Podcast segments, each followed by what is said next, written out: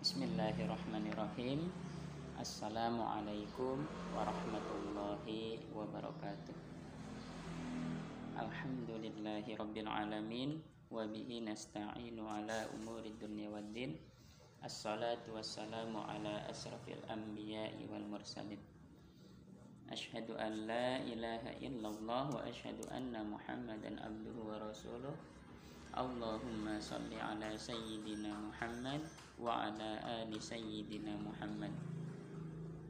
Sadaqallahul adzim amma ba'du. Sahabat-sahabatku yang sama-sama mengharapkan ridha Allah SWT Alhamdulillahi Rabbil Alamin.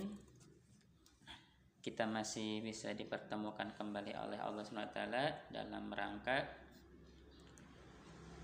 dalam rangka eh, kajian dalam rangka mengikuti kajian fikih fikih dasar e, dari fikih Safinatun Najat. Alhamdulillah pada sebelumnya kita sudah membahas mengenai pasal tanda-tanda balik dan insya Allah pada kesempatan kali ini kita akan membahas mengenai pasal bersuci dengan batu atau istinja. Bismillahirrahmanirrahim. Faslun pasal surutu ijza'il hajari samaniyatun. Ayyakuna bisalasati ahjarin wa an yunkiyal mahalla wa an la yajifa an najas an najsu wa la yantakila wa la yatra'a alaihi akhar wa la yujawija safhatahu wa hashafatahu wa la yusibahu ma'un wa an takunal ahjaru tahiratan.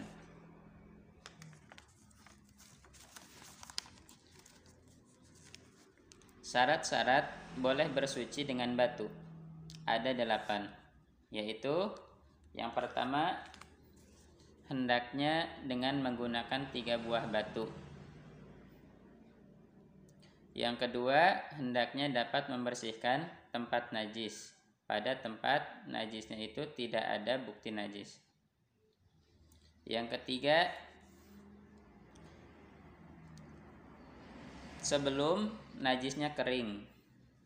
Yang keempat, najisnya tidak berpindah-pindah dari tempat keluarnya. Yang kelima, najisnya tidak tertimpa oleh najis lainnya.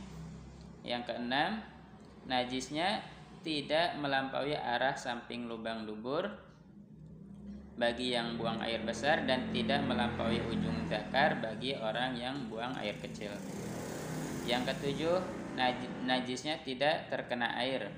Yang kedelapan, keadaan batunya harus suci. Sahabat-sahabatku yang sama-sama mengharapkan dari Allah SWT, jadi itulah eh, syarat bersuci dengan batu atau istinja. Jadi syaratnya itu ada delapan ya. Yang pertama tadi yaitu hendaknya dengan menggunakan tiga buah batu. Tiga buah batu, jadi ujung batunya. Dan syaratnya itu si batunya ini harus suci, bukan batu bukan batu yang terkena najis juga gitu. Jadi eh, apabila kita buang air besar atau buang air kecil, apabila kita tidak menemukan air maka eh, kita dibolehkan untuk bersuci dengan menggunakan batu atau beristinja gitu. Apabila kita sudah menggunakan tiga batu tapi e, najisnya belum belum bersih, maka kita boleh menggunakan batu tersebut lima atau tujuh. Yang penting batunya itu suci dan jumlahnya ganjil. Yang kedua hendaknya dapat membersihkan tempat najis pada tempat najis itu tidak ada bukti najis lagi. Artinya yaitu ketika kita e, beristinja dengan batu menggunakan tiga batu tersebut maka si tempat najisnya itu harus harus bersih. Jangan jangan tersisa gitu ya. Jangan jangan sudah menggunakan tiga batu tapi masih tersisa najis tersebut. Itu tidak boleh. Jadi harus harus bersih gitu si najisnya. Yang ketiga tidak atau belum kering najisnya. Jadi untuk syarat beristinja ini yang ketiga ini si najisnya itu tidak boleh menunggu kering. Jadi setelah buang air besar, hendaknya langsung bersegera untuk menyucikannya dengan beristinja. Tidak boleh menunggu kering dulu karena kalau misalkan menunggu kering dulu itu e, untuk membersihkan najisnya itu sangat susah dan akan melukai e, dubur atau kubul kita. Karena kalau kering kan agak susah jadi bisa mengakibatkan e, tergores gitu e, terhadap kubul atau dubur kita. Jadi bagusnya itu hendaknya sebelum si najisnya itu sebelum kering. Yang keempat, najisnya tidak berpindah-pindah. Tidak berpindah-pindah dari apa? Dari tempat keluarnya. Artinya apabila buang air besar, maka si najisnya itu tidak berpindah dari tempat keluarnya, nggak boleh acak-acakan gitu. Jadi itu syarat yang keempat. Yang kelima, najisnya tidak tertimpa oleh najis lainnya. Artinya si najis ini e, najis buang air besar atau air kecil ini tidak tertimpa lagi oleh najis lainnya. Misalkan ada kotoran binatang atau apa yang terkena kepada e, dubul atau dubur kita gitu. Jadi tidak boleh terkena tertimpa oleh najis lainnya. Yang keenam, najisnya tidak melampaui arah samping lubang arah samping lubang dubur bagi yang buang air besar dan tidak melampaui ujung zakar bagi orang yang buang air kecil. Tuh, hampir sama ya. Jadi tidak acak-acakan gitu ya si najisnya itu. Yang ketujuh, najisnya tidak terkena air. Ya. Jadi syaratnya itu tidak terkena air. Kalau misalkan ada air mah ya ya udah lebih baik pakai air gitu kan ngapain pakai beristinja dengan batu e, kalau ada air gitu jadi e, syaratnya itu yang ketujuh ini apabila tidak ada air maka beristinja dengan dengan batu gitu yang kedelapan keadaan batunya harus suci nah jadi si batunya ini harus suci ya jadi tidak boleh kita asal ngambil batu asal ngambil batu dari dari misalkan si batunya tersebut terkena kotoran kotoran hewan atau kotoran lainnya itu tidak tidak sah untuk dijadikan is istinja si batu tersebut. Sahabat-sahabatku yang sama-sama harapkan dari Allah SWT Bersuci dengan batu atau benda keras merupakan keringanan Yang terbaik adalah dengan air tuh. Jadi beristinja dengan batu itu adalah sebuah keringanan. Dan yang terbaik itu yaitu menggunakan menggunakan air kan. Yang terbaik lagi adalah dengan batu lalu dengan air. Itu yang lebih baik lagi. Nabi SAW bersabda wal yastanji bisalasati aj ahjarin. Bersucilah kamu dengan tiga buah batu.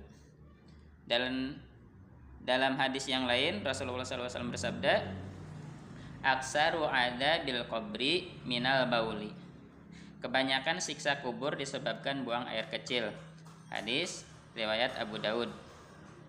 Maksudnya tidak bersuci sesudah sesudah buang air kecil, demikian pula sesudah buang air besar.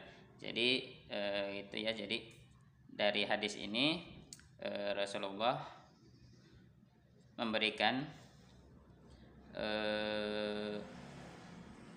pemahaman tentang banyak orang yang mendapatkan siksa kubur disebabkan dengan buang air kecil atau buang air besar yang tidak bersuci. Makanya e, kita kalau habis buang air kecil atau buang air besar itu harus bersuci agar bersih, agar tidak mendapatkan siksa kubur. Syarat-syarat benda yang digunakan untuk beristinja.